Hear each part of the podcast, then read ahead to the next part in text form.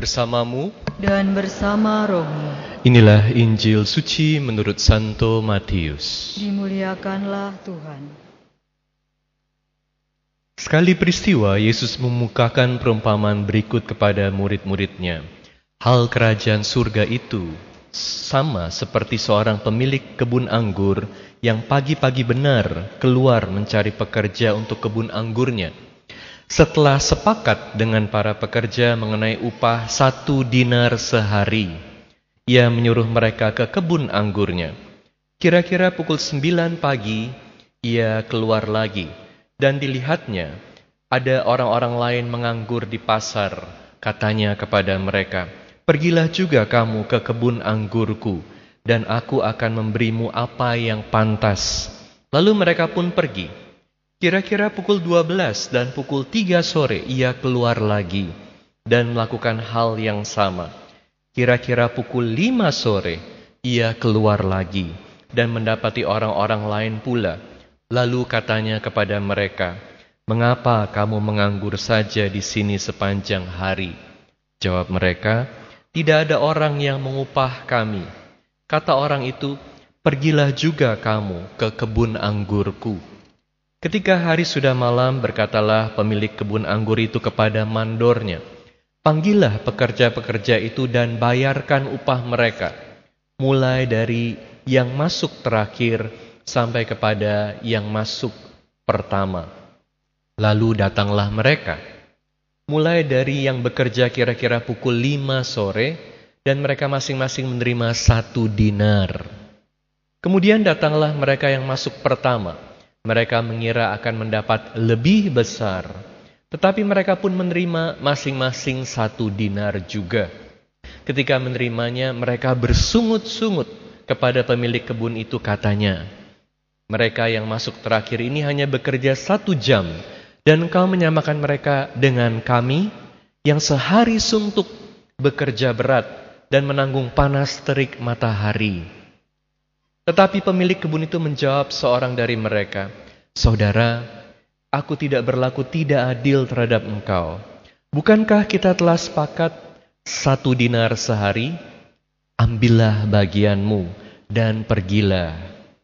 Aku mau memberikan kepada orang yang masuk terakhir ini sama seperti kepadamu. Tidakkah aku bebas mempergunakan milikku menurut kehendak hatiku? Atau iri hatikah engkau karena aku murah hati? Demikianlah orang yang terakhir akan menjadi yang pertama, dan yang pertama menjadi yang terakhir. Demikianlah sabda Tuhan. Terpujilah Kristus. Iri hatikah engkau karena aku murah hati? Saudara-saudari sekalian terkasih dalam Kristus, Injil pagi hari ini adalah Injil yang sangat indah, yang memberi kekuatan kepada kita semua. Saya mau mengajak Anda untuk merenungkan tema merayakan kemurahan hati Allah. Merayakan kemurahan hati Allah. Pertama saya mau mengajak Anda melihat betapa murah hatinya Allah. Lebih dari pikiran kita manusia. Kedua, saya mau mengajak Anda melihat bagaimana iri hati membuat kita buta terhadap rahmat Allah. Dan ketiga, saya mau mengajak Anda untuk merayakan kemurahan hati Allah juga buat orang lain. Pertama, kita melihat bagaimana Allah itu sungguh murah hati. Tentu kalau kita berpikir hanya dengan pikiran kita manusia saja, apa yang dilakukan oleh pemilik kebun anggur ini tidak sesuai dengan logika kita manusia. Karena logika kita itu yang bekerja lebih banyak dapat lebih banyak, yang bekerja lebih sedikit dapat sedikit. Tetapi seperti dikatakan dalam bacaan pertama, Tadi bacaan pertama katakan hal yang sangat indah. Rencanamu bukan rencanaku. Rancanganmu bukan rancanganku. Jadi Allah punya rencananya sendiri. Allah punya rancangannya sendiri. Kabar gembiranya adalah rencana Allah, rancangan Allah selalu adalah rencana yang paling indah buat kita semua. Selalu paling indah buat kita semua. Karena apa? Karena Allah adalah kasih. Allah selalu memberikan kepada kita dari kemurahan hatinya. Syukur pada Tuhan. Kalau Tuhan hanya melihat kita dari keadilan, menimbang karya kita, menimbang apa yang kita lakukan, siapa yang pantas masuk surga? Gak ada yang bebas dari dosa. Kita semua punya keterbatasan, kelemahan. Tetapi puji Tuhan, karena Tuhan kita maha murah hati maka semua orang bisa diselamatkan karena rahmat Tuhan. Semua orang bisa hidup dengan baik. Kita bukan hanya dinilai dari apa yang kita sudah lakukan di masa lalu. Tuhan selalu melihat siapa kita saat ini dan apa yang kita bisa jadi. Apa yang kita bisa lakukan. Bagaimana kita bisa jadi lebih baik Bagaimana kita bisa punya masa depan yang cerah? Syukur pada Tuhan. Hanya sayangnya, sering kali dalam hidup kita kurang bersyukur. Kita merasa diri hebat. Aku sudah berkontribusi. Aku sudah melakukan banyak hal hebat. Aku sudah melayani. Aku sudah kerja keras. Maka aku berhak untuk bisa punya hidup baik. Aku berhak untuk bisa hidup lebih baik daripada orang lain. Jadi kalau kita melihat orang lain yang kerjanya sedikit, yang masa lalunya kelam, tetapi sekarang bisa punya hidup baik, gak sedikit dari kita yang bukan malah bersyukur karena orang lain bisa punya hidup baik, malah kita jadi iri kita jadi mulai marah-marah. Kita jadi mulai mencari kesalahan orang lain. Kita mencari keterbatasan orang lain. Kita bahkan berani katakan sama Tuhan, Tuhan, Engkau tidak adil. Aku harusnya dapat lebih. Dan ini yang dilakukan oleh orang-orang yang bekerja dari pagi hari, tetapi mendapat upah yang sama dengan mereka yang kerja sore hari. Pertanyaannya, Tuhan sebetulnya murah hati gak sih sama orang yang bekerja dari pagi hari? Tuhan baik gak sama orang yang bekerja dari pagi hari? Baik, mereka nggak ada kerjaan. Tuhan sudah kasih kerjaan. Mereka dapat upah yang pantas gak? Dapat upah yang pantas, yang sesuai dengan persetujuan awal. Harusnya mereka bahagia gak? Harusnya mereka bahagia. Tetapi kenapa mereka tidak bahagia?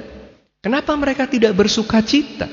Karena mereka membandingkan diri mereka dengan orang lain. Mereka bukan bersyukur atas apa yang mereka punya.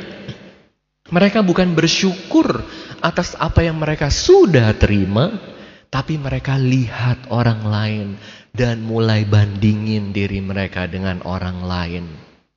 Mereka merasa harusnya aku dapat lebih. Hakku untuk dapat lebih. Mereka merasa entitled. Sudah sepantasnya kalau aku ini dapat lebih. Sudah sepantasnya kalau aku ini dihormati. Sudah sepantasnya kalau aku ini lebih enak. Kita lupa bahwa pada akhirnya semua yang baik dalam hidup kita itu pertama-tama karena rahmat Tuhan. Maka dalam hidup kita harus selalu bersyukur, bersyukur. Setiap kali kita menerima hal yang baik dalam hidup, harus katakan apa? Puji Tuhan. Bukan katakan aku hebat. Sudah layak dan sepantasnya. Aku dipuji, aku hidupnya enak, aku kaya raya karena aku hebat. Sudah sepantasnya aku dapat proyek ini, aku hebat. Kalau setiap kali bilangnya aku hebat, itu kita bahkan bisa menjadi sombong. Makanya kalau kesombongan ini adalah awal kehancuran. Makanya yang pertama jadi yang terakhir. Injil ini katakan yang pertama jadi yang terakhir. Karena yang pertama merasa hebat dan bisa lupa bersyukur. Ini adalah awal kehancuran. Ini adalah awal kepahitan hidup. Ini adalah awal kemarahan. Tapi yang merasa aku tidak pantas. Aku bergantung kepada Tuhan Kebaikan kecil yang dia terima membuat dia jadi penuh syukur. Dan hidup yang penuh syukur ini jauh lebih penuh sukacita. Kita harus belajar melihat berkat Tuhan. Jangan sampai iri hati membutakan kita pada rahmat Tuhan. Karena iri hati maka jangan terus-menerus membandingkan diri kita dengan orang lain. Harus rajin menghitung berkat Tuhan. Setiap malam sebelum tidur lihat berkat Tuhan apa sih yang sudah saya terima. Pasti kalau kita rajin menghitung berkat Tuhan, kita jadi pribadi yang lebih baik. Kita jadi pribadi yang lebih penuh dengan sukacita. Dan kita bisa semakin juga membagikan sukacita itu kepada orang lain. Jadi, kalau kita merayakan berkat Tuhan, merayakan kemurahan hati Tuhan, kita juga bisa merayakan kemurahan hati Tuhan buat orang lain. Kalau sahabat kita diberkati sama Tuhan, kita seneng gak? Kalau orang lain bisa lebih hebat dari kita, kita seneng gak? Bener seneng. Ada satu penelitian yang bertanya, kalau Anda bisa dapat gaji tinggi, ya katakan 100 ribu per hari, ya mungkin 100 ribu kurang ya, da, katakan 1 juta per hari, 1 juta per hari, tinggi kan? Tapi orang lain dapat satu setengah juta per hari. Dibanding sama Anda cuma dapat 500 ribu per hari. Tetapi orang lain dapat 400 ribu per hari. Pilih yang mana? Dapat 1 juta atau 500 ribu? Pilih 1 juta atau 500 ribu? Harusnya kan, ya kita pilih yang 1 juta. Orang lain lebih tinggi nggak apa-apa. Tapi pada kenyataannya ada banyak yang jawab, Aku dapat 500 ribu aja. Yang penting orang lain lebih rendah dari aku. Karena kalau orang lain itu lebih rendah dari aku, aku hidup dalam ilusi bahwa aku hebat. Aku lebih berkuasa. Aku lebih kaya. Padahal dapatnya lebih kecil dari yang satu juta. Bodoh kan? Kenapa jadi bodoh? Karena dikuasai iri hati, tidak bersyukur. Maka kalau orang lain bisa dapat lebih baik, Ya udah kita bersyukur bahwa Tuhan murah hati sama dia. Kalau orang lain yang masa lalunya gelap bisa bertobat, bisa punya hidup baik, bisa jadi pewarta dalam gereja, puji Tuhan, gereja semakin baik. Tapi kenapa? Sayangnya ada banyak orang yang gak suka kalau orang lain seneng. Kita harus merayakan kemurahan hati Tuhan. Karena kita hidup dalam kerajaan Allah. di mana tuannya adalah Tuhan yang murah hati. Sehingga hidup bersama orang lain yang juga mengalami kebaikan Tuhan. Dengan berbagi kebahagiaan. Hari demi hari hidup kita akan menjadi jauh lebih bahagia. Kalau kita hidup dengan semakin banyak orang yang dipenuhi syukur, pasti komunitas kita akan jadi lebih tenang, jadi lebih sukacita, Jadi kalau teman diberkatin, tanya, kapan nih kita rayainnya? Aku juga ikut seneng sama kamu. Dengan setulus hati. Kan ikut seneng kan? Ikut ditraktir kan? Ikut bisa makan enak.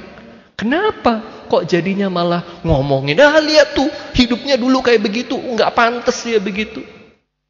Belajar bersyukur dengan berkat yang diterima oleh orang lain. Ini nggak mudah dan tantangannya juga terjadi dalam gereja. Kemarin kita merayakan Santo besar, hebat, namanya Padre Pio, luar biasa si Padre Pio ya. Tempat di mana Padre Pio tinggal itu di Italia tiap hari dikunjungi ribuan orang. Wah, luar biasa ribuan orang. Kenapa?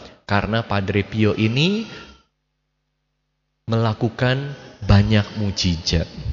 Salah satu yang sangat dekat sama Padre Pio itu adalah Yohanes Paulus kedua. Tahun 62 waktu Yohanes Paulus kedua itu ikut Konsili Vatikan kedua tahun 62 dia kunjungi Padre Pio dan uskup-uskup lain. Dan waktu itu Paus juga sempat minta tolong sama Padre Pio karena satu temennya itu sakit kanker uh, leher tenggorokan sudah parah waktu mau dioperasi Yohanes Paulus kedua waktu itu belum jadi paus tentu dia tulis surat sama Padre Pio, tolong doain sahabat saya. Mujizat terjadi.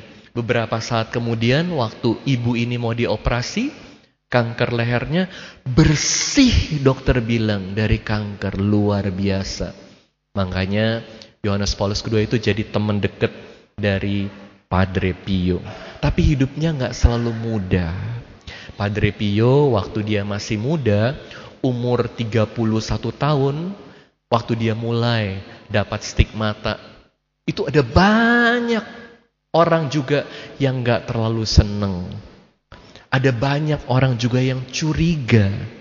Bahkan Romo-Romo dan Vatikan. Ada satu Romo terkenal. Romo terkenal namanya Agustino Gemelli. Jadi Romo ini saking terkenalnya rumah sakit besar di Roma itu dikasih nama atas nama dia karena dia salah satu pendiri dari universitas besar Katolik, Universitas Katolik besar di Milan. Tapi waktu Padre Pio dapat stigmata, Romo ini bilang bahwa dia datang dan menginvestigasi bahwa itu benar atau tidak itu satu perdebatan. Tapi yang pasti Romo ini katakan dan sebarkan bahwa yang dialami Padre Pio itu bohong. Dia bisa sangat pasti katakan bahwa itu bohong. Dan waktu itu dia juga katakan bahwa uh, Padre Pio ini psikopat. Alasannya apa kita nggak tahu persis. Tapi itu yang terjadi dan itu nyebar ke mana-mana. Jadi Padre Pio juga mengalami kesulitan dari rekan sesama imamnya juga. Tapi puji Tuhan, kalau apa yang dimulai oleh Tuhan, karya Tuhan, manusia nggak bisa hambat, manusia nggak bisa hancurkan, karena Tuhan maha murah hati.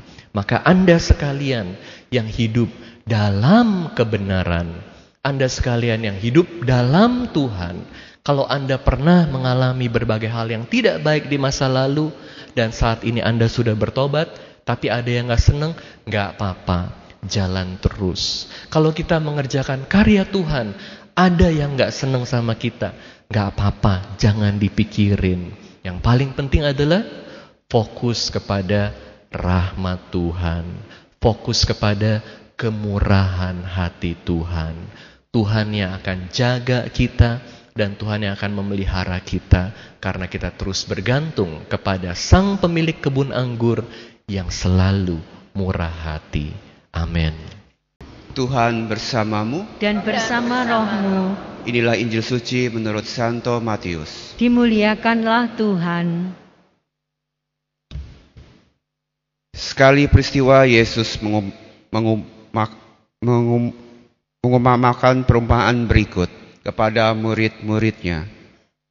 Hal kerajaan surga itu sama seperti seorang pemilik kebun anggur yang pagi-pagi benar keluar mencari pekerja untuk kebun anggurnya.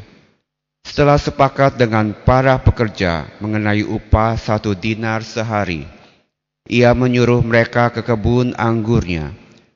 Kira-kira pukul sembilan pagi ia keluar, dan dilihatnya ada orang-orang lain menganggur di pasar. Katanya kepada mereka, Pergilah juga kamu ke kebun anggurku, dan aku akan memberimu apa yang pantas. Lalu mereka pun pergi. Kira-kira pukul 12 dan pukul 3 sore ia keluar lagi dan melakukan hal yang sama. Kira-kira pukul 5 sore ia keluar lagi dan mendapati orang-orang lain pula. Lalu katanya kepada mereka, Mengapa kamu menganggur saja di sini sepanjang hari? Jawab mereka, Tidak ada yang mengupah kami. Kata orang itu, Pergilah juga kamu ke kebun anggurku. Ketika hari sudah malam, berkatalah pemilik kebun anggur itu kepada mandornya, Panggillah pekerja-pekerja itu dan bayarkan upah mereka mulai dari yang masuk terakhir sampai kepada yang masuk pertama. Lalu datanglah mereka mulai yang bekerja kira-kira pukul lima sore dan mereka masing-masing menerima satu dinar. Kemudian datanglah mereka yang masuk pertama, mereka mengira akan mendapatkan lebih besar, tapi mereka pun menerima masing-masing satu dinar saja. Ketika menerimanya, mereka bersungut-sungut kepada pemilik kebun itu, katanya, Mereka yang masuk terakhir ini hanya bekerja satu jam, dan engkau menyamakan mereka dengan kami yang sehari suntuk bekerja berat dan menanggung panas terik matahari. Tetapi pemilik kebun itu menjawab seorang dari mereka, Saudara, Aku tidak berlaku tidak adil terhadap engkau. Bukankah kita telah sepakat satu dinar sehari? Ambillah bagianmu dan pergilah. Aku mau memberikan kepada orang yang masuk terakhir ini sama seperti kepadamu. Tidakkah aku bebas mempergunakan milikku menurut kehendak hatiku? Atau iri hatikah engkau terhadap karena aku murah hati, demikianlah orang yang terakhir akan menjadi yang pertama dan yang pertama menjadi yang terakhir. Demikianlah sabda Tuhan. Terpujilah Kristus. Bapak, Ibu, dan saudara-saudari yang terkasih, pernahkah kita mengalami suatu kondisi di mana kita ini tidak punya pekerjaan, setelah sekian lama mencari pekerjaan, belum juga mendapatkan pekerjaan, hingga tabungan kita habis, kita tidak punya lagi uang, dan tidak tahu lagi bagaimana menghidupi keluarga kita, membayar uang sekolah anak-anak, dan membayar kebutuhan hidup yang lainnya. Pernah? Puji Tuhan, kalau dalam hidup ini kita tidak pernah mengalami hal yang sulit seperti ini. Tentu bagi mereka yang pernah berada di posisi ini atau kita boleh membayangkan jika kita ini boleh ada di posisi mereka tidak punya penghasilan dan tidak tahu harus makan apa besok. Tentu kalau kita akhirnya ditawari sebuah pekerjaan dengan penghasilan tertentu yang cukup besar, pasti rasanya akan senang sekali, rasanya bahagia, kekhawatiran kita selama ini akan sirna. Kondisi inilah kondisi di mana kita merasa bahagia, tidak ada kekhawatiran, kita hidup merasa tenang. Inilah gambaran kerajaan Allah yang ingin Tuhan Yesus sampaikan kepada kita melalui perumpamaan hari ini. Di mana kita semua diundang ke dalam kerajaan Allah untuk menikmati kelimpahan kerajaan surga. Di mana tidak ada lagi ketakutan, tidak ada kekhawatiran, yang ada adalah kedamaian dan kebahagiaan. Tentu undangannya sekarang adalah bagaimana supaya kita ini bisa menikmati undangan Tuhan untuk boleh berbahagia dalam kerajaan surga. Di dalam hidup ini kita pun bisa menikmati kebahagiaan dan kedamaian kerajaan surga. Kuncinya adalah seperti kata Yesus dalam perumpamaan ini, yaitu Tidakkah aku bebas menggunakan milikku menurut kehendak hatiku? Atau iri hatikah engkau karena aku murah hati? Jadi hal pertama yang harus kita lakukan supaya kita ini bisa menikmati kebahagiaan kerajaan surga, kita ini harus menghilangkan sikap iri hati. Karena orang yang iri hati tidak bisa melihat kebaikan Tuhan, karena hidupnya ini hanya sibuk menghitung berkat yang orang lain terima. Seperti hamba yang menerima satu dinar yang setelah bekerja satu hari, ia bersungut-sungut karena ia hanya menghitung berkat yang diterima oleh mereka yang bekerja satu jam, sehingga ia lupa kalau dia juga punya upah yang sama satu dinar.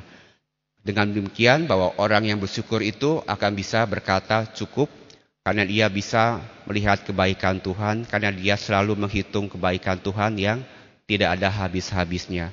Kalau kita hanya iri hati, kita hanya menghitung berkat orang lain, yang ada kita kurang. Karena seperti kata pepatah bilang, kalau rumput tetangga itu kelihatan lebih hijau. Ya, jadi semoga undangannya pada kita ialah seperti kata Nabi Yesaya dalam bacaan pertama, sebab rancanganku bukanlah jal, bukanlah rancanganmu dan jalanmu bukanlah jalanku. Jadi sekali lagi untuk bisa mengerti tentang misteri kerajaan surga, kita tidak bisa menggunakan pola pikir manusia. Kita harus belajar seperti Tuhan yang murah hati dan selalu memberikan yang terbaik kepada manusia. Tentu kalau kita bandingkan dengan kehidupan nyata, tentu dulu juga saya pernah bekerja sebagai accounting dan menghitung gaji karyawan. Terutama hal yang sulit adalah ketika menghitung lembur karyawan harus teliti ya. Karena kalau tidak teliti bisa dikomplain oleh para karyawan. Jadi tentu mereka yang lembur 5 jam akan dibayar lebih besar daripada mereka yang hanya lembur satu jam. Demikian juga untuk pekerja yang sudah bekerja 5 tahun, 10 tahun tentu memiliki upah atau gaji yang tidak sama dengan mereka yang masih dalam masa percobaan. Itulah pola pikir dunia. Sekali lagi kita diundang untuk melihat kasih Allah dengan pikiran Allah. Rancanganku bukan rancanganmu, jalanku bukan jalanmu. Kalau kita bisa melihat dan berpikir seperti Allah bekerja, maka kita ini bisa melihat bahwa Tuhan itu begitu baik. Dan seperti juga dalam bacaan kedua, Rasul Paulus berkata kepada jemaat di Filipi, Karena bagiku hidup adalah Kristus dan mati adalah keuntungan. Tetapi jika aku harus hidup di dunia ini, itu berarti bagiku bekerja memberi buah. Yang artinya hidup ini adalah kesempatan, hidup ini harus digunakan untuk melayani Tuhan. Jika kita boleh kembali kepada pertanyaan saya di awal, mana yang lebih baik? Seharian bekerja dengan penuh keyakinan, kebahagiaan bahwa segalanya akan tercukupi, ataukah seharian menganggur, tidak tahu harus makan apa, hidup dalam kekhawatiran, tidak tahu bawa apa pulang ke rumah, mana yang Bapak Ibu akan pilih. Tentu pilihan ada di tangan kita dan sekali lagi bahwa bisa lebih lama melayani Tuhan itu adalah suatu anugerah. Anugerahnya bukan hal-hal jasmani saja, tetapi ada hal-hal rohani yang tidak bisa dihitung dengan uang. Jadi semakin lama kita melayani Tuhan, semakin lama kita ini mengikuti Tuhan, Pasti ada berkat yang tidak bisa kita hitung dan inilah yang harus kita syukuri. Jadi jangan iri dengan apa yang orang lain miliki, tapi bersyukur apa yang kita punya sehingga kita ini bisa melihat kebaikan Tuhan dalam hidup kita. Semoga demikian Tuhan memberkati. The Lord be with you. And with your spirit. A reading from the Holy Gospel according to Matthew. Glory to you, O Lord. Jesus told his disciples this parable. The kingdom of heaven is like a landowner who went out at dawn to hire laborers for his vineyard. After agreeing with them for the usual daily wage, he sent them into his vineyard. Going out about nine o'clock, The landowner saw others standing idle in the marketplace, and he said to them, You too, go into my vineyard, and I will give you what is just. So they went off. And he went out again around noon, and around three o'clock, and did likewise. Going out about five o'clock, the landowner found others standing around and said to them, Why do you stand here idle all day? They answered, Because no one has hired us. He said to them, You too, go into my vineyard. When it was evening, the owner of the vineyard said to his foreman, Summon the laborers and give them their pay, beginning with the last and ending with the first. When those who had started about five o'clock came, each received the usual daily wage. So when the first came, they thought they would receive more, but each of them also got the usual wage. And on receiving it, they grumbled against the landowner, saying, These last ones worked only one hour, and you have made him equal to us who bore the day's burden and the heat. He said to one of them in reply, My friend, I am not cheating you. Did you not agree with me for the usual daily wage? Take what is yours and go. What if I wish to give this last one the same as you? Or am I not free to do so as I wish with my own money? Are you envious because I am generous? Thus, the last will be first, and the first will be last. The Gospel of the Lord. Praise to you, Lord Jesus Christ. Please be seated. Salamat siyang. I brought a copy of the Missalet. I wanted to use the introduction, go back to that again, because I feel it's not that it is wrong, but because it places us into a very limited position. You know, when we listen to parables, especially, it teaches us something. It teaches us not just the parable. Precisely, it is a parabola. Parabola means there's another story behind it.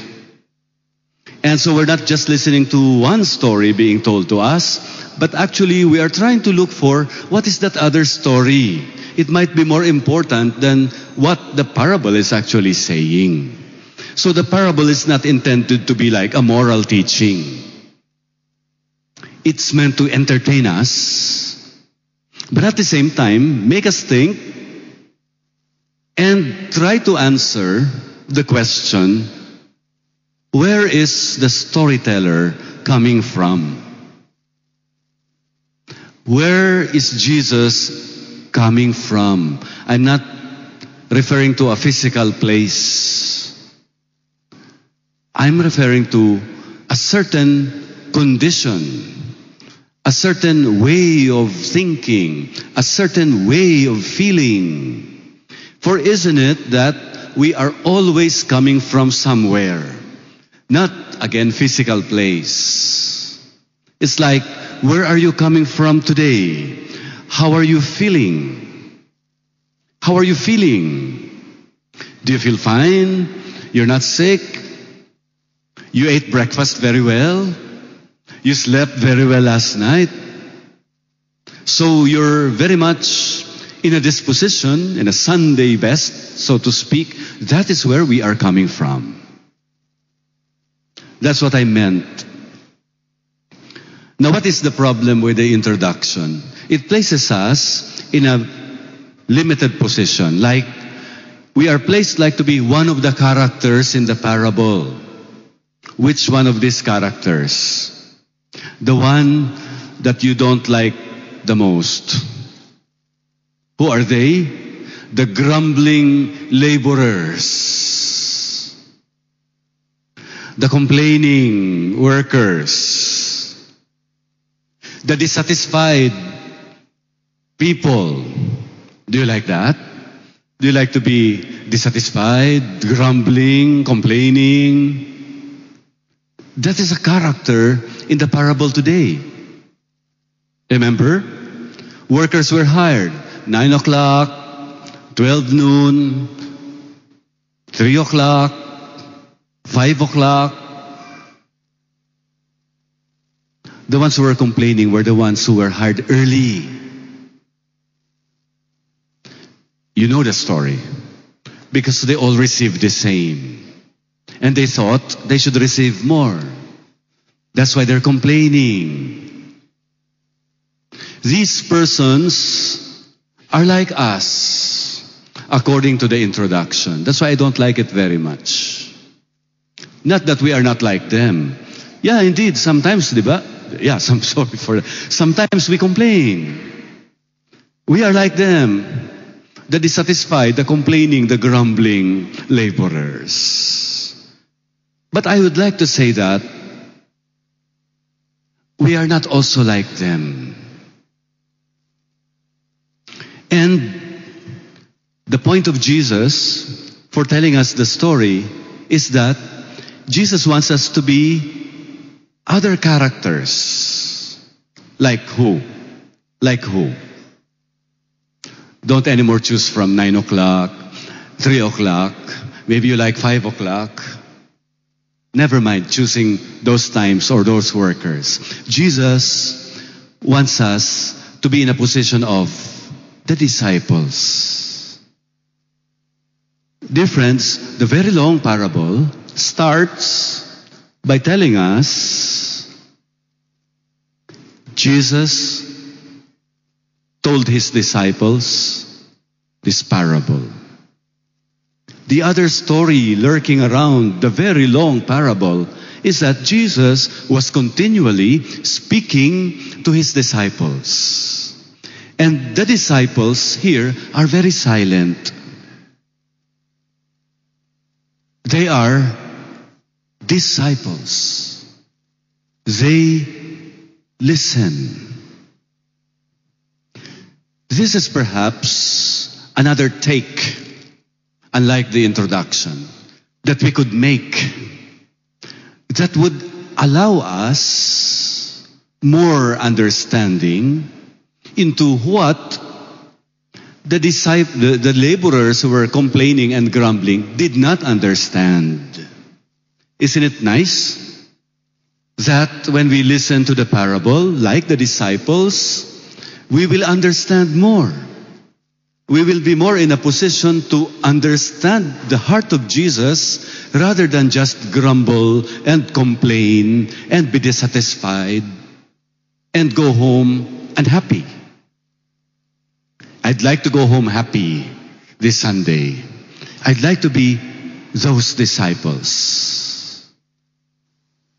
Let's imagine what happened to them listening to the story. They are silent. Perhaps you may say, like the listeners of the prophet Isaiah in the first reading, perhaps the disciples learned in their hearts what the prophet Isaiah tells us. What does the prophet Isaiah tell us? My thoughts are not your thoughts. My ways are not your ways. As high as the heavens are above the earth, so high are my ways above your ways, and my thoughts above your thoughts. I remember this very, very well.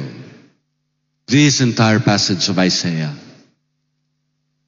I did anthropological fieldwork among people who are quite far from the Catholic Church, but they also respect the Catholic Church.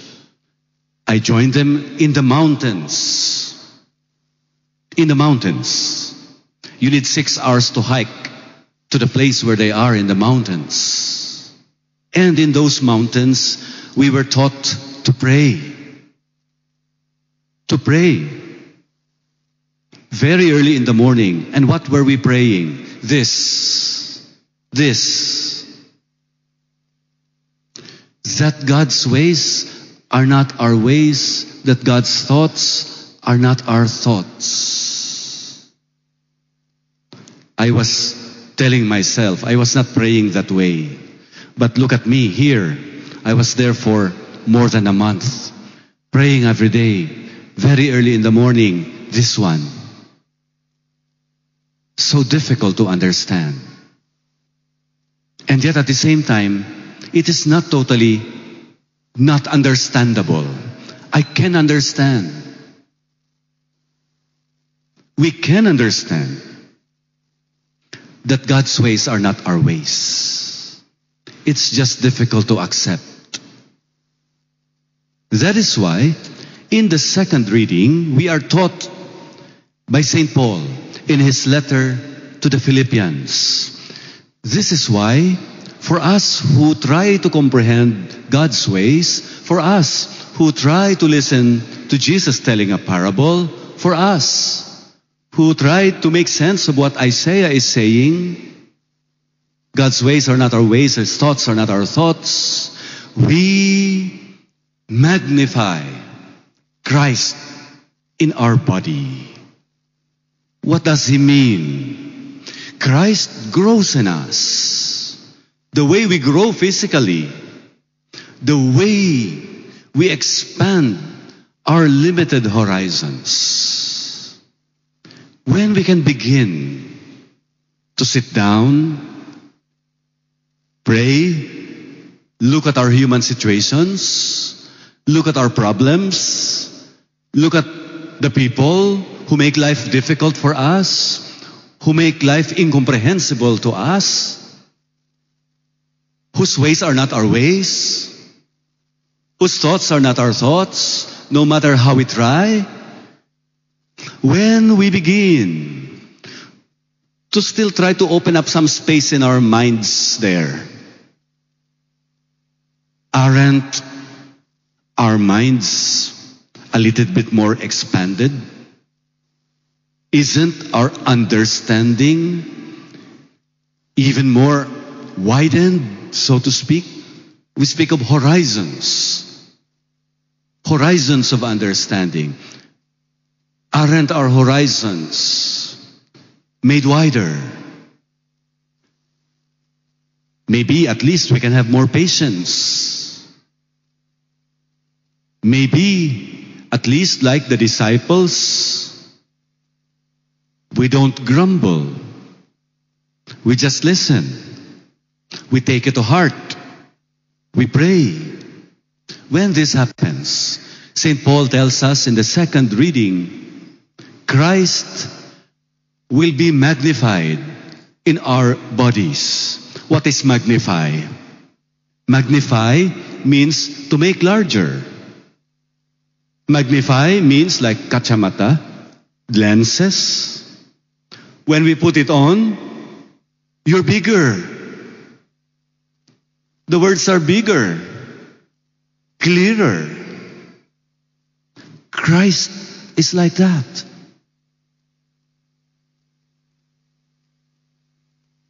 Our life is Christ. And so when Christ is magnified, our life is magnified. Do you want to have a long life? Love Christ. Love Christ. Your life will be magnified. Your mind will be made sharper. Then we will understand the point of the parable, which is the justice of God is the generosity of God. They are the same. The justice of God is the love of God. They are the same. Therefore, if for us human beings, justice is like timbangan, timbang, we balance, five five. That's equal. It is just. That is not the justice of God. Because the justice of God is His generosity. It cannot be counted. It cannot be weighed. It cannot be balanced. We cannot do that to the generosity of God. It just keeps pouring. I like a God like that. Because if our God can be measured, maybe you will not be here. Maybe you will look for a church whose God is unlimited. Maybe you will look for a proclamation of a church of a God whose love cannot be counted. It's infinite. I like that God. If you like that God, that is the God of Jesus. That is the point of the parable. God's love is His justice. And we will forever be unable to return that love. It's quite easy to understand. We have parents. We have grandparents. We have a saying. I do not know if you share that saying. In the Philippines, we have a, sh- we have a saying. Even if I let my body to be chopped into pieces, I cannot return. I cannot return. The blessing, the graces, the life, my parents have given to me. I cannot repay my parents. We cannot repay our parents. And they are just our parents. The parable is talking about God. Forever, we cannot return to God. His love.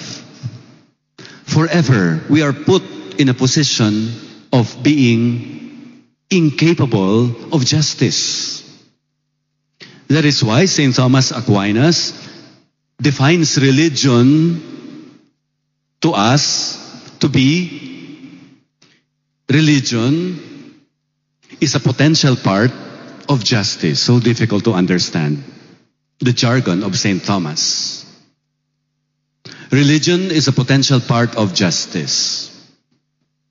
Let's explain it more simply. When I practice religion, when I pray, when I come to God, I try to return to God, but forever I cannot. But I'm happy with that. That's why I need God.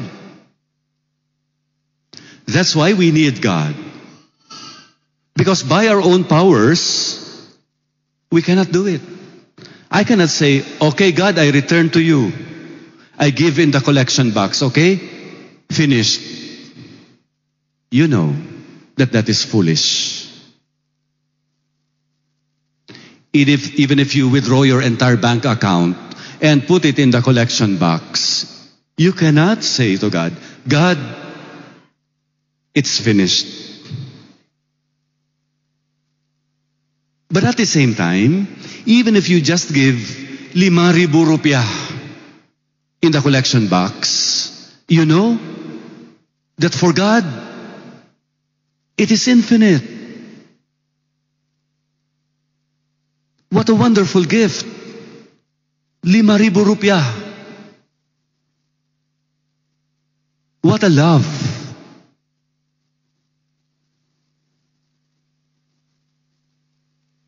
Now we understand. Now we are not sad that we are not capable of the justice of God.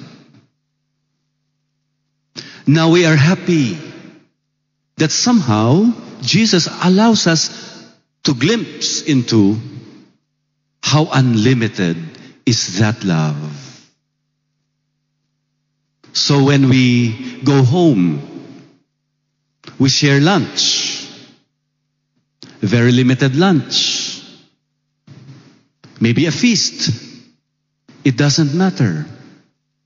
Because what matters is that we are sitting together at table. We are sharing. It cannot be quantified. Now we understand. If we come home and we open our pockets, budget for tomorrow, maybe it's lacking somewhere. Maybe I have to go to the bank. Maybe I have to list down and make kind of a budget. You see how limited it is. But we live on. We work on. We are happy. St. Paul says, then Christ has become magnified in you. My brothers and sisters, as we meet the Lord in the Eucharist today, we receive His body. That is the way Christ will be magnified in our bodies. Now that we listen to His words, our understanding, our minds, our hearts are growing more. Christ is being magnified.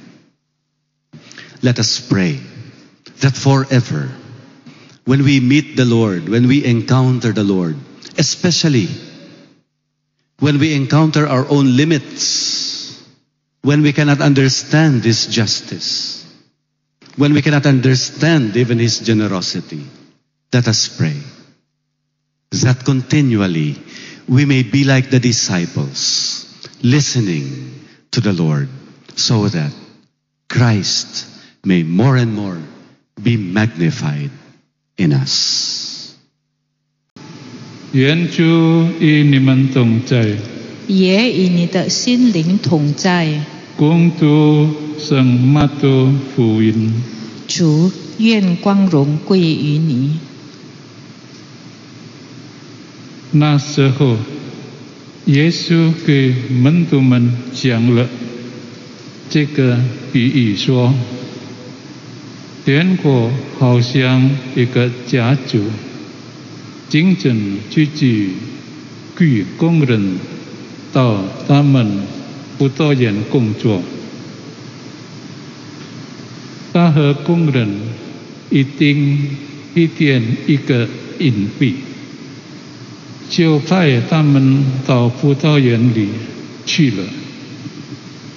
大约九点钟，他又出去，看见还有人显利在市场上，就对他们说：“你们也到我的葡萄园里去吧，我要安供。”到给你们贡献，他们就去了。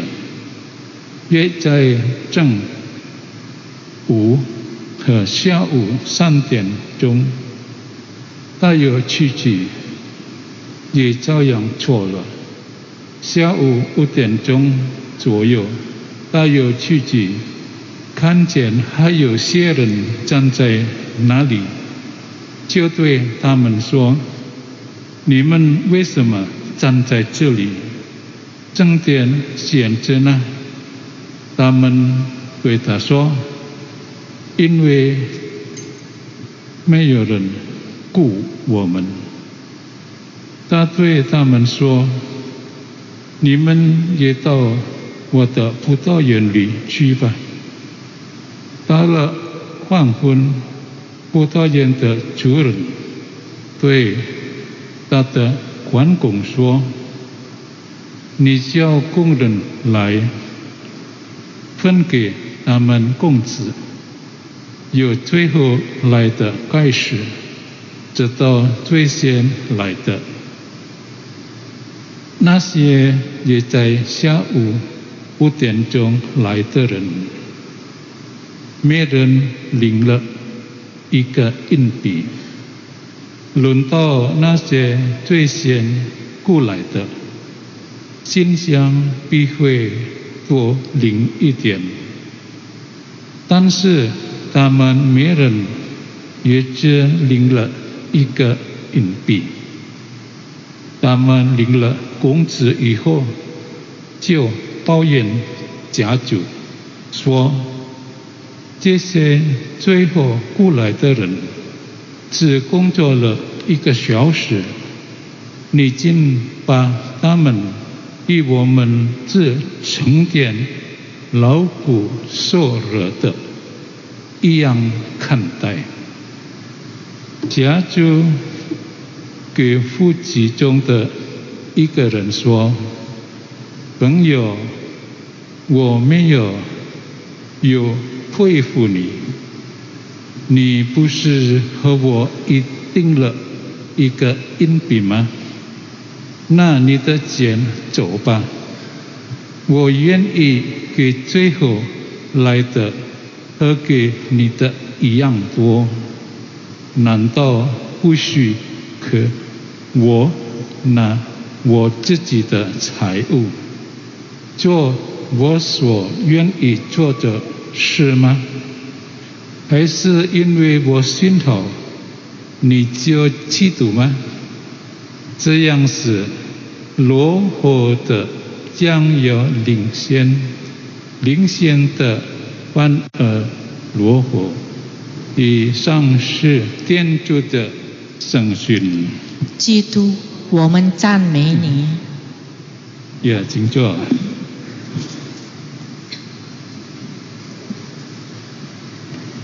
亲爱的家友，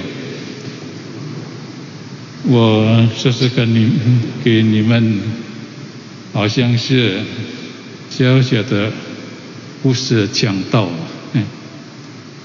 因为我自己也不晓得。我在说什么？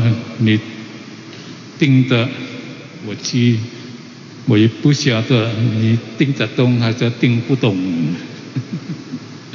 所以，那个是我也也一般的说，因为你们一般的说中文，好像是随便我想出来的什么，然后我讲的，我。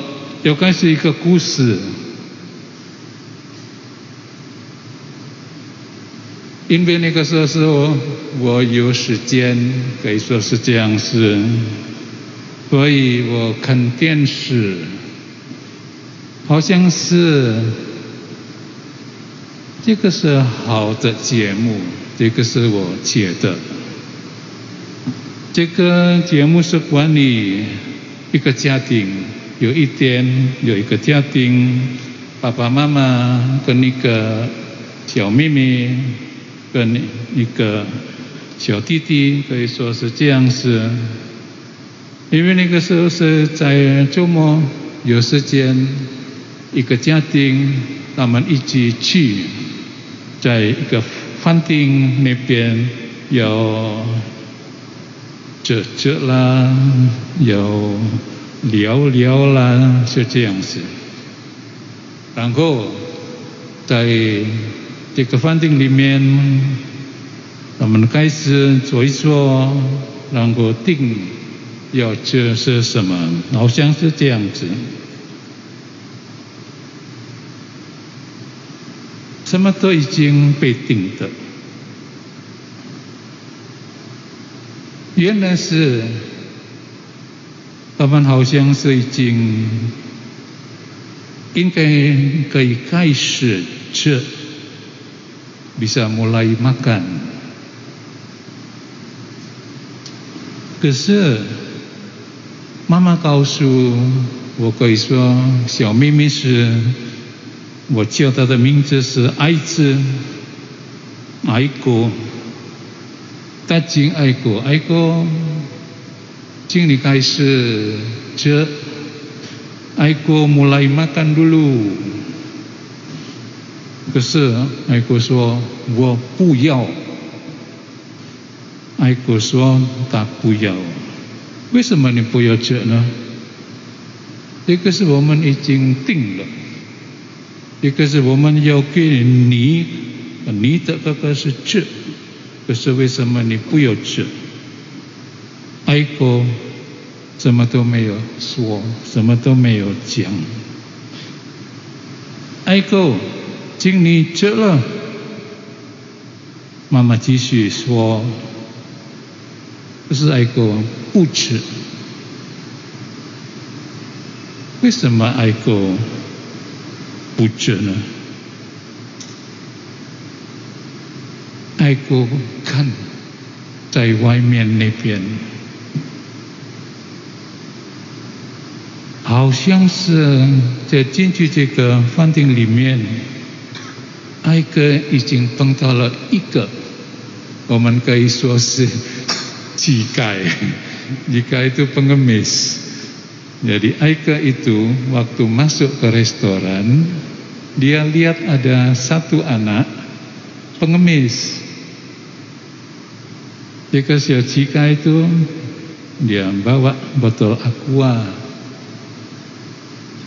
lalu dia minta-minta di depan restoran, gitu.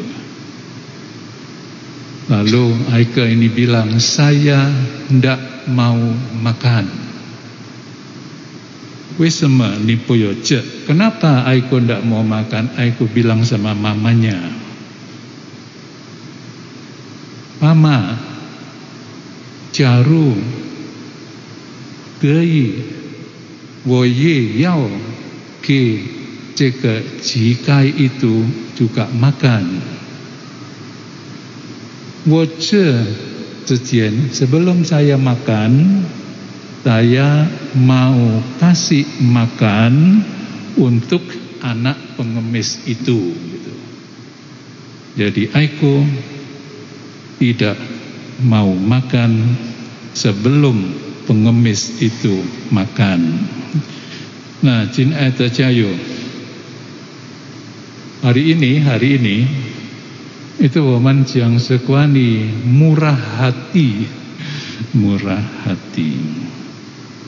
Kan jika aiko suara dia anak kecil.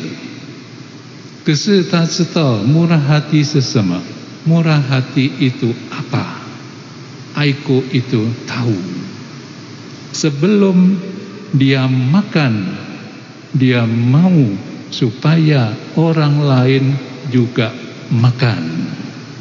Ya. Sebelum dia makan dia mau supaya orang lain itu juga makan.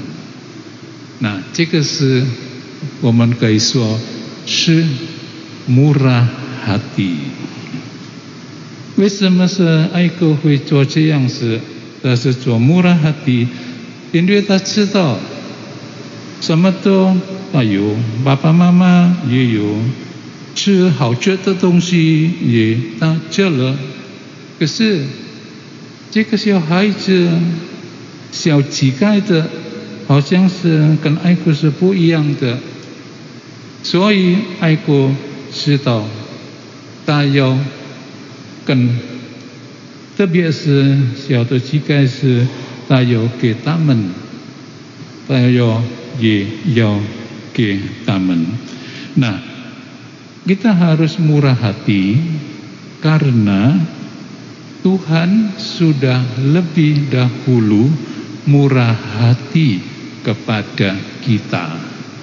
Kalau Tuhan sudah lebih dahulu murah hati kepada kita, maka tugas kewajiban kita adalah juga murah hati kepada orang lain.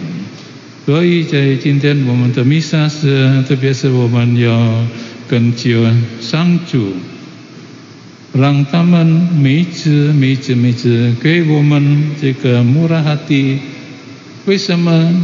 因为让别人越来越多的人人会觉得天主是我们的天父。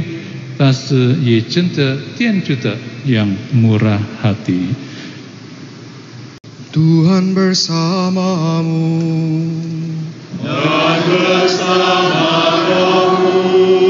Inilah Injil suci menurut Matius.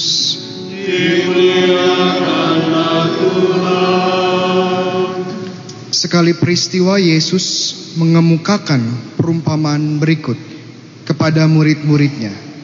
Hal kerajaan surga itu sama seperti seorang pemilik kebun anggur yang pagi-pagi benar keluar mencari pekerja untuk kebun anggurnya.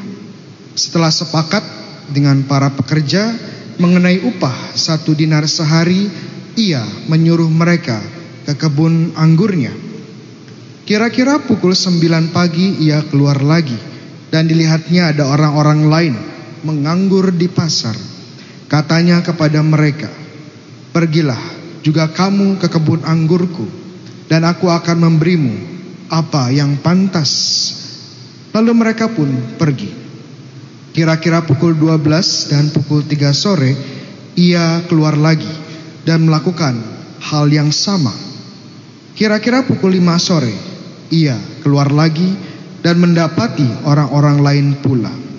Lalu katanya kepada mereka, "Mengapa kamu menganggur saja di sini sepanjang hari?"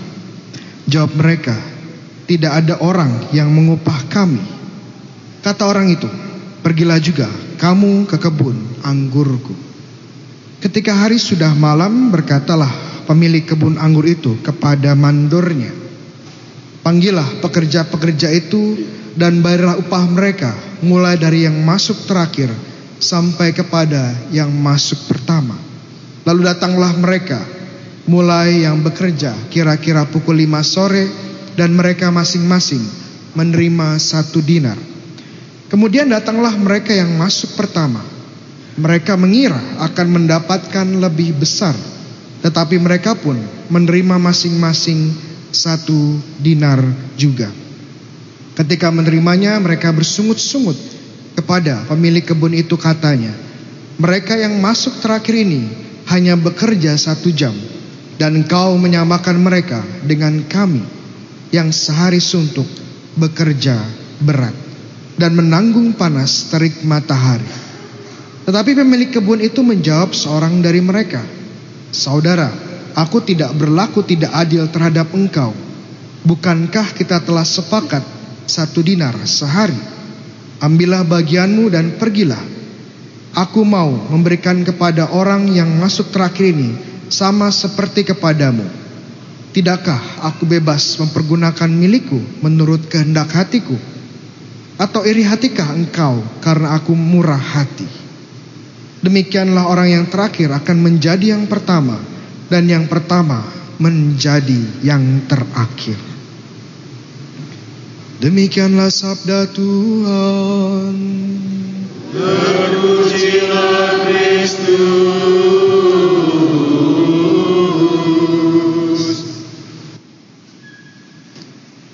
Saudara-saudara yang terkasih dalam bacaan kedua tadi kita mendengarkan perkataan-perkataan Santo Paulus yang cukup menarik untuk kita teliti lebih dalam. Paulus berkata, "Bagiku hidup adalah Kristus dan kematian adalah keuntungan." Ada yang lebih menarik lagi. Aku rindu meninggalkan dunia ini dan bersama-sama dengan Kristus. Karena itulah yang jauh lebih baik. Kalau kita mendengarkan seolah-olah Paulus ini sepertinya pengen mati ya. Seolah-olah dia pengen cepat-cepat mati atau mengakhiri hidupnya. Kenapa ini? Apakah Paulus sepertinya ingin mengakhiri hidupnya, ingin bunuh diri seperti itu? Tapi bukankah menurut ajaran gereja Katolik bunuh diri itu adalah dosa maut? Suatu yang tidak boleh dilakukan. Kok sepertinya ada kontradiksi? Apa sebenarnya yang terjadi kepada Paulus? Untuk menjawab pertanyaan ini, kita harus melihat lagi konteks dari surat Santo Paulus kepada jemaat di Filipi. Oke, kebetulan ini baru kita masih di bulan September. Bulan September itu bulan apa? Iya, bulan kelahirannya Romo Bayu bukan ya. Bulan kitab suci nasional. Oke, jadi kita akan belajar tentang kitab suci sedikit di sini. Ada yang tahu nggak kitab suci dalam kitab suci surat-surat Rasul Paulus ada berapa?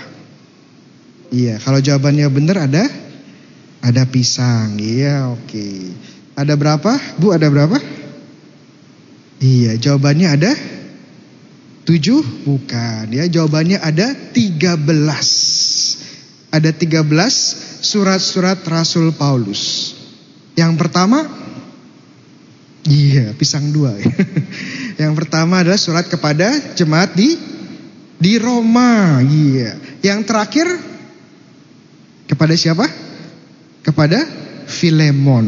Iya. Jadi nanti cek dia Roma Bayu bener nggak sih? Dan kenapa Roma duluan? Ini urutannya bukan kronologis ya, bukan siapa yang pertama ditulis bukan, tetapi berdasarkan panjangnya. Yang paling panjang itu ditaruh di depan dan kemudian yang paling pendek ditaruh di belakang. Roma itu kebetulan paling panjang. Ada berapa bab? Ayo, bingung. Ada 16 ya. Yang paling pendek Filemon itu hanya satu bab, ya hanya beberapa ayat saja. Silahkan nanti dicek. Oke, surat kepada jemaat di Filipi ini juga dikenal kepa, dikenal sebagai surat-surat penjara dari Santo Paulus. Kenapa disebut sebagai surat penjara? Karena memang Paulus menulis surat ini saat dia di penjara. Waduh, bagaimana kok bisa menulis surat di penjara ya, surat di penjara? Untuk mengerti ini kita perlu kembali melihat kisahnya Santo Paulus. Santo Paulus itu seperti apa sih kisahnya? Kita tahu ya Santo Paulus waktu dia dipanggil Tuhan, dia melihat Tuhan dan kemudian menjadi buta ya dan kemudian dibaptis, kemudian setelah dibaptis dia melihat kembali dan menjadi pewarta Injil, pewarta Yesus Kristus yang luar biasa. Mewartakan Injil ke berbagai tempat dari Asia sampai Eropa. Nah, suatu hari dia berjalan kembali ke kota Yerusalem. Dan di sana dia mewartakan Injil. Sayangnya ada orang-orang Yahudi yang tidak suka dengan Paulus, dengan Yesus Kristus. Apa yang terjadi? Dia ditangkap. Untung saja tidak langsung dibunuh, tapi dipenjarakan dulu. Dan kemudian diadili dibawa kepada gubernur setempat untuk diadili. Mereka pengen supaya Paulus mati. Tapi Paulus pinter, ya. Dia nggak mau langsung mati, ya. Tapi dia bilang apa? Saya sebagai warga negara Roma akan naik banding kepada kaisar. Paulus ini cukup menarik, ya karena dia memang orang Yahudi, pengikut Kristus, tetapi juga kebetulan dia itu adalah warga negara Roma. Dan setiap warga negara Roma pada zaman itu memiliki hak untuk naik banding kepada kaisar. Oleh karena itu dia dikirim ke kota Roma. Nah, saat itu di kota Roma sambil menunggu banding, sambil menunggu keputusan kaisar, dia dipenjara. Di penjara rumah dan bahkan dirantai. Ada penjaga 24 jam.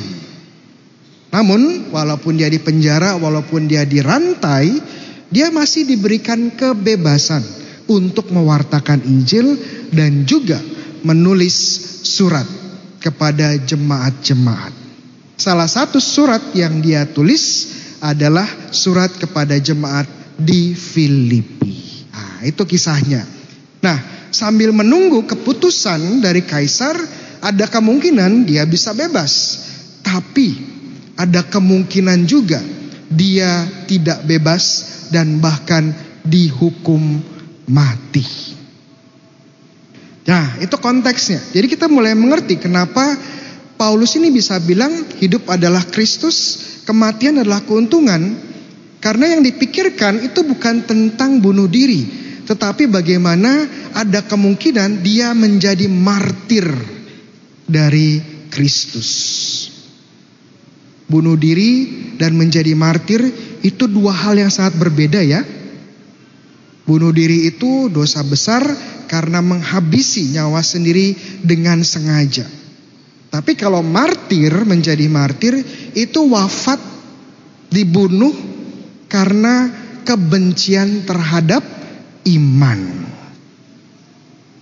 Tapi apakah semua orang yang dibunuh karena kebencian imam, kok imam, iman itu otomatis jadi martir? Tidak. Ah, kasih contoh ya. Kasih contoh. Contohnya ada seorang Romo, namanya Romo Adrian. Romo Adrian ini dulunya baik sekali, tapi karena sering nonton drakor ya, dia berubah. Dia berubah jadi bengis, jadi benci dengan semua orang Katolik. Dan dia semakin benci kalau orang Katolik itu adalah imam, romo. Dan dia nggak bisa kontrol emosi kalau orang Katolik ini sudah imam, ganteng pula. Ya. Dia akan sat-sat bunuh tuh orang. Ya. Nah, pas Romo Adrian ini keluar dari kamar, orang pertama yang dia temui adalah Romo Bayu. Ya. Orang Katolik imam lagi lumayan ganteng ya. Langsung saset. Wah, dihabisi oleh Romo Adrian. Pertanyaannya, saya mati sebagai martir bukan? Saya martir bukan? Belum tentu ya. Walaupun ada kebencian terhadap iman, walaupun saya dibunuh ya, tapi apakah saya mau membela iman? Kalau saya ditanya, seandainya Romo Adrian tidak langsung bunuh saya, tapi tangkap saya dulu, siksa saya dulu. Dan dia bilang, kamu mau menyangkal imanmu nggak sebagai orang Katolik? Kalau saya bilang, ya saya mau, saya mau hidup, ya saya nggak mau kehilangan kegantengan saya gitu. Ya, ya itu bukan martir, ya. Tapi kalau saya menjawab, saya tidak mau menyangkal iman saya. Lebih baik saya mati daripada menyangkal iman saya. Hidup adalah Kristus, kematian adalah keuntungan. Itu baru namanya martir. Namun kembali ke Santo Paulus ya, terlalu banyak tentang sayanya. Santo Paulus kalau kita lihat dia sebenarnya mau mati, mau menjadi martir penuh dengan banyak penderitaan di penjara, disiksa, dirantai. Tapi kalau kita lihat isi surat kepada jemaat di Filipi, suasananya tidak ada kesedihan, suasananya tidak ada kecemasan, apalagi depresi. Ini suatu hal yang aneh. Suasana hati Paulus, kalau teman-teman baca di surat kepada jemaat di Filipi, nanti ya, pulang langsung dibaca. Ini hanya empat bab teman-teman. Jadi bulan kitab suci setidaknya ada satu yang dibaca. Kitab di kitab suci. Dan ini kesempatan baca jemaat di Filipi. Empat bab saja. Sekali baca selesai. Dan atmosfer yang ditunjukkan oleh Santo Paulus adalah penuh dengan sukacita. Bagaimana mungkin di hadapan kematian Paulus bisa menemukan sukacita? Bagaimana mungkin di tengah penderitaan dan penjara dia bisa menemukan kebahagiaan? Gimana coba ya? Jawabannya adalah karena Paulus telah menemukan nilai sesungguhnya dari Yesus Kristus. Dalam surat yang sama, bab 3 ayat 8 Paulus menulis, Malahan segala sesuatu kuanggap rugi karena pengenalan akan Kristus Yesus Tuhanku lebih mulia dari semuanya. Oleh karena itu dialah aku telah melepaskan. Karena dia aku telah melepaskan semuanya dan menganggapnya sampah supaya aku memperoleh Kristus. Intinya Paulus sudah menemukan bahwa Yesus itu yang paling berharga. Dan semua hal di dunia ini kalau dibandingkan dengan Yesus adalah sampah. Jadi Paulus nggak takut kehilangan hidupnya. Toh hidup ini untuk Yesus. Lebih baik kehilangan hidup ini daripada kehilangan Yesus. Jadi dia tidak takut bahkan bersuka cita di hadapan kematian. Ini pelajaran berharga ya buat kita. Apakah kita seperti Paulus sudah menemukan nilai dari Yesus? Banyak dari kita sudah menjadi Katolik bertahun-tahun. Siapa yang di sini baptis waktu bayi? Ya, banyak ya. Iya, itu ada yang angkat beberapa, ya banyak termasuk saya. Siapa di sini sudah dibaptis bertahun-tahun? Ya. Tapi pertanyaannya, sudah kenal Kristus enggak? Sudah tahu nilai dari Kristus enggak? Mungkin di sini ada Katolik ya, karena satu keluarga ya Katolik, kakek nenek Katolik, papa malah Katolik. Ya udah deh, saya Katolik aja supaya sama dengan keluarga. Mungkin ada yang menjadi Katolik karena ya kebetulan istri Katolik dan saya anggota isti. Isti itu apa? Iya, ikatan suami takut istri ya. Jadi Katolik aja lah daripada berantem ya. Adapun ikut Katolik karena teman-teman dekatnya ya Katolik. Ya udahlah saya jadi Katolik. Ikut Katolik kenapa? Karena ya teman bisnisnya partner bisnisnya, teman main golfnya, itu ya Katolik ya udah deh biar bisnis lancar, saya jadi Katolik. Kadang-kadang kita pun menjadi Katolik karena kita merasa diberkati. Saya bisnisnya sukses, puji Tuhan, pekerjaan lancar, semangat jadi Katolik. Saya disembuhkan. Saya setia jadi Katolik. Saya selesai segala permasalahan. Saya semangat jadi Katolik. Pertanyaannya, kalau permasalahan tidak selesai, kalau sakitnya tidak sembuh, kalau keluarga tetap bermasalah, mau tetap jadi Katolik? Kadang-kadang kita menjadi Katolik mengikuti Yesus, bukan Yesus yang dicari, tapi siapa yang mencari keuntungan pribadi. Selama menguntungkan bagi saya, ya saya mau jadi Katolik. Selama saya bisnisnya sukses, relasi lancar, kerjaan lancar, kesehatan lancar, ya, rejeki lancar, semangat jadi Katolik. Tapi saat kita menderita, marah sama Tuhan, gak mau lagi ke gereja. Dan kadang-kadang saya sedih ya, ada pemuka-pemuka agama yang bahkan menggunakan Yesus untuk jualan, untuk memperkaya diri sendiri, untuk punya tanah banyak, mobil banyak, istri banyak, ya. jualan Yesus. Sekarang pertanyaannya, apakah kita seperti Paulus menjadikan Yesus dan menemukannya sebagai yang paling berharga? atau mencari diri kita. Harta, kekayaan, pendidikan, kesehatan, relasi itu penting ya. Tetapi hal ini bisa hilang dan bisa kita temukan lagi. Tetapi kalau kita kehilangan Kristus, kita kehilangan segalanya. Seperti Paulus, lebih baik kehilangan hidup ini daripada kehilangan Kristus. Bagiku, bagi kita, hidup adalah Kristus, kematian adalah keuntungan. Tuhan memberkati.